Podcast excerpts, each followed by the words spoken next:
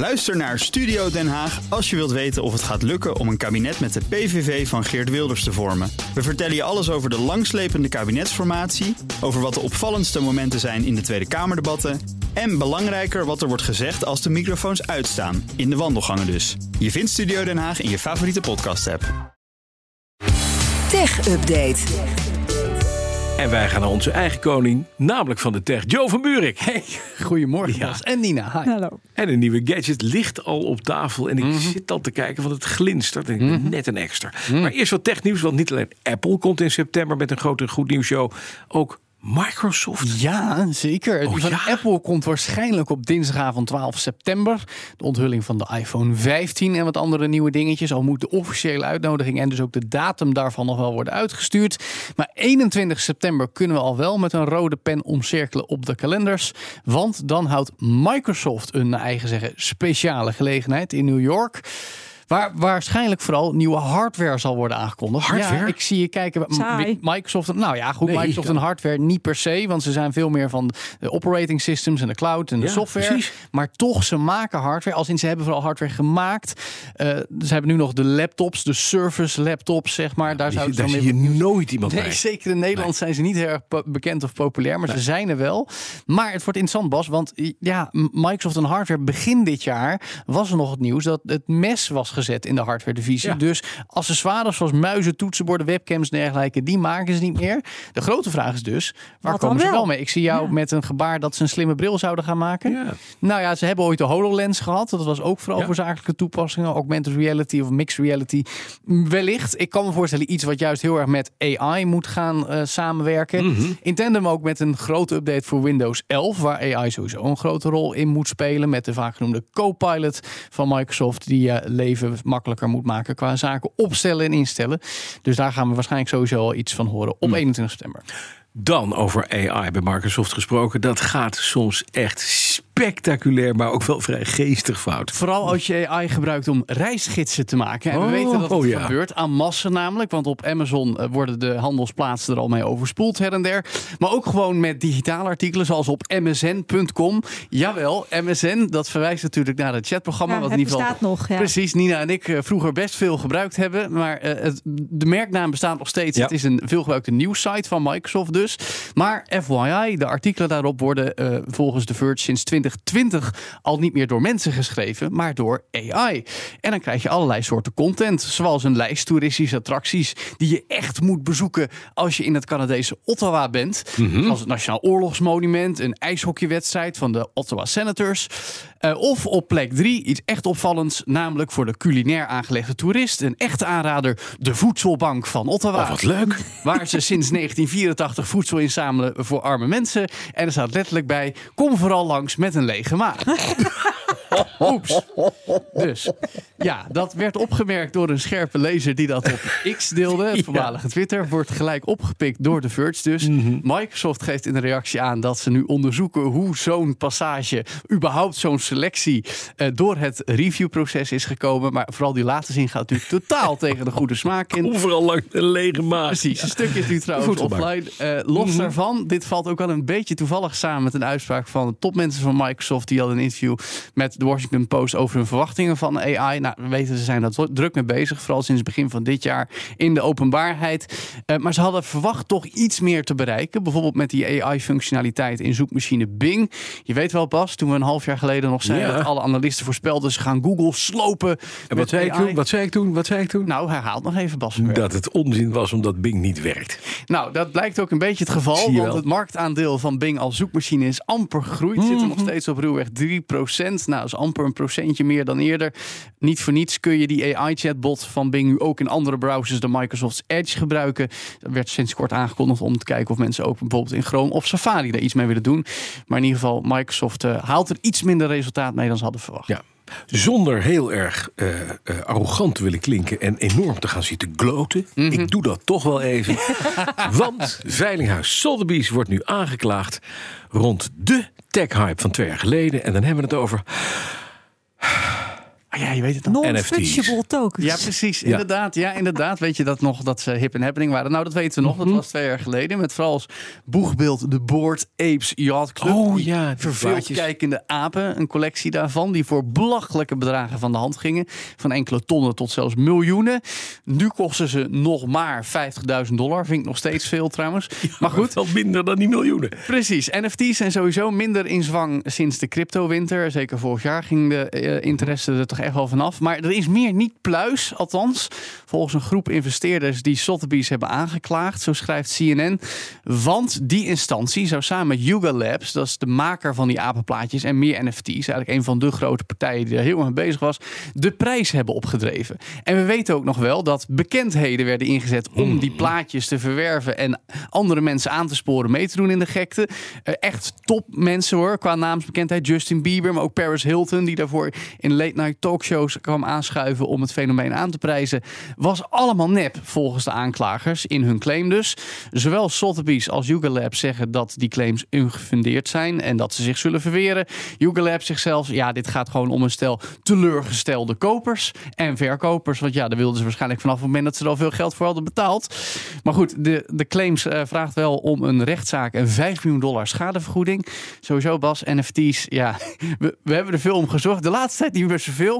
Maar goed, nu nog Nee. wel weer een keertje. Ze zouden digitale bezittingen goed verhandelbaar moeten maken. En ook de makers van dat soort materialen, van plaatjes van muziek, moeten belonen. Dat was, dat was de grote dat was de catch. Met een soort kickback van royalties. Dat elke keer als zo'n plaatje of eh, muziekbestand verkocht werd, dat er een percentage aan de maker gaat.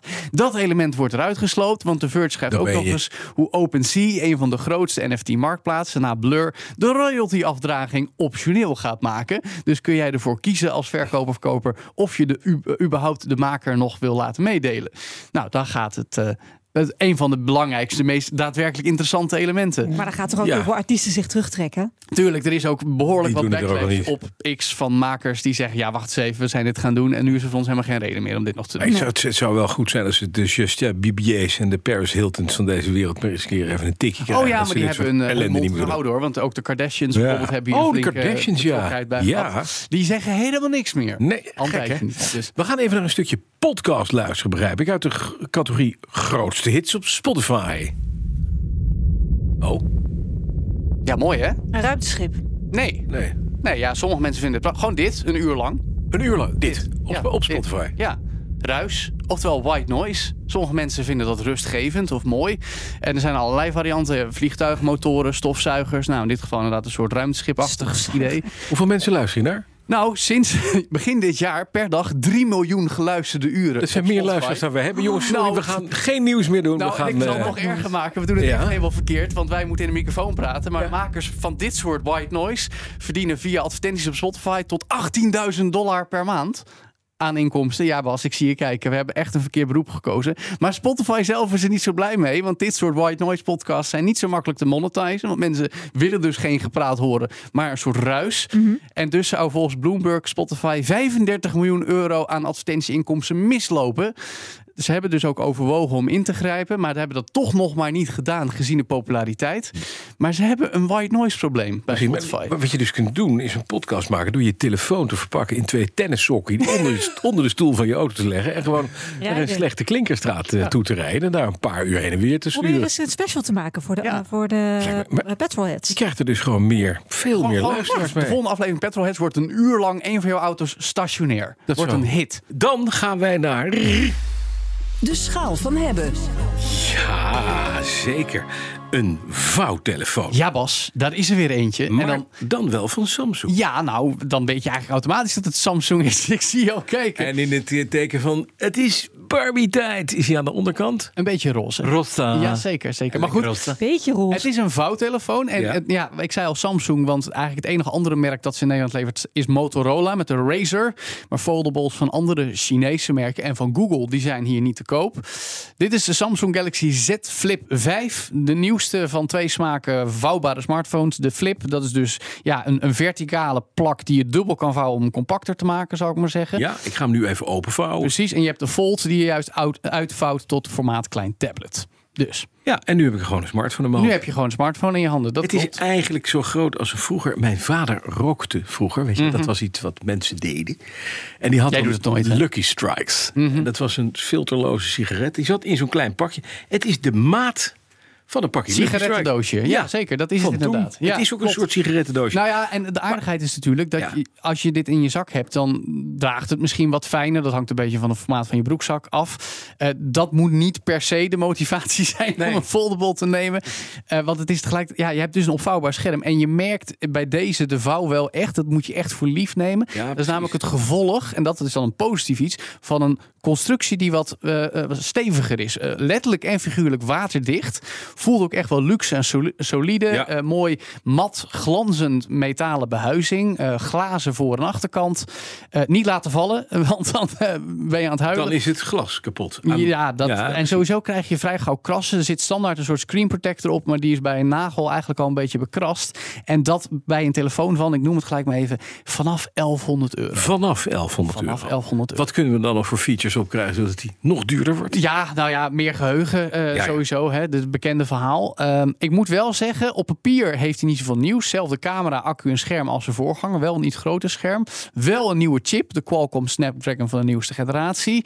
Maar tofste nieuws, Bas, vind ik als je hem dichtvouwt. Want dan heb je dus een schermpje op de voorkant. Ja, daar staat de tijd op een Ja, klokje. druk je op de en standby-knop, daar bij jouw wijsvinger nu. Ja, even En dan kijken. eh, kun je gewoon een beetje Hey! swipen. En dan kun je hem Oh. ontgrendelen met 4x0. Want dat is natuurlijk de, de veiligste code die ik even heb ingesteld. Ja, goed. en dan kun je gewoon allerlei dingen gebruiken. Eh, belangrijke dingen zoals berichten lezen, agenda checken en dergelijke. Je kan ook gewoon YouTube kijken. Je kan zelfs doomscrollen op Facebook en Instagram. Nou. Jazeker. Een Oké. belletje aannemen of video bellen. Het werkt allemaal wel aardig. Ehm, er is één nadeel. Want eh, op zich leuk dat je nu eigenlijk gewoon een soort grote smartwatch hebt zonder bandje. Ja, precies. Maar je moet wel heel erg pielen, want Samsung ondersteunt het niet standaard. Dus je moet weer apart een app downloaden in Samsungs eigen store om te zorgen dat, Dat je dit kan. dat dit kan. Maar dan is het ook stom. echt wel leuk. Ja, het is echt Maar het is wel heel leuk, want ik zie inderdaad, ik kan nu leuk, le- Ja. lekker pielen. En als ik jou nu zou bellen, dan kun je hem gewoon aannemen zo en hoef je hem niet eens open te vouwen. Nou, ik vind dat best wel Maar wat je net zei is wel cruciaal, Joe. Want dit, is inderdaad, dit is een smartphone zonder bandje. Ja, En je zit een smartwatch zonder bandje. Een smartwatch, sorry. Ja. Je, zit, je zit, en dat kennen we allemaal natuurlijk. Je zit een keer ergens in het vliegtuig of in de trein of noem maar op. Niet met zo'n enorme lap, zo'n joekel Nee. in je poot. En de verleiding, om er heel lang, dingetje. de verleiding om er heel lang mee bezig te zijn wordt ook minder, want het is wat kleiner. Dus je doet het wat vlotter dan dat je dat ding weer helemaal Ja, eh, maar in, in bezit bent van. onwijs leuk. En als ik hem dan Ja. openklap, dan gaat hij wel over naar... Dan gaat hij door. Ja, dat, dat wisselt dus een beetje. Dat is ook waarom het niet ondersteund wordt. Ik moet ook zeggen, ik heb die Motorola Razer zelf nog niet getest. Maar ik hoor dat hij dit kunstje eigenlijk iets beter doet. Voor hetzelfde geld, dat dan wel. Maar ja, ik zei al, die prijs slik. Eh, je krijgt ook niet de allerbeste camera. Dan moet je toch een reguliere Galaxy S23 of een Pixel 7 Pro of een iPhone 14 Pro nemen. Hoewel de foto's in de praktijk gewoon bijna net zo mooi zijn. Dus het is en blijft een beetje een acquired taste, zo'n foldable. Dus alles bij elkaar zeg ik dan toch, Prima om te hebben. Ja, maar het is, het is meer van, het is ermee gezien worden. ja het is een modedingetje. Het is een Barbie dingetje. Ja, klopt. Het is wel een tof ding. Maar eigenlijk wil ik gewoon een smartphone van formaat dat kleinere schermpje. En dan gewoon Ja. daadwerkelijk een smartphone van de helft van het formaat. Maar kan dat niet gewoon? Nou, Samsung, maak het alsjeblieft. Klein, gewoon Dat zo'n smartphone. hebben. Meer Ja. hebben we niet nodig. Gewoon een uh, formaat sigarettendoosje. Formatiegereed, dan ben je klaar. Helemaal goed. top. Dankjewel, Joe van Buurik. De BNR Tech Update wordt mede mogelijk gemaakt door Lenklen. Lenklen. Betrokken expertise, gedreven resultaat. Ook Harm Edens vind je in de BNR-app. Je kunt BNR Duurzaam niet alleen live luisteren in de app, maar ook terugluisteren als podcast, zoals al onze podcasts. En naast dat de BNR-app Breaking News meldt, houden we je ook op de hoogte van het laatste zakelijke nieuws. Download nu de gratis BNR-app en blijf scherp.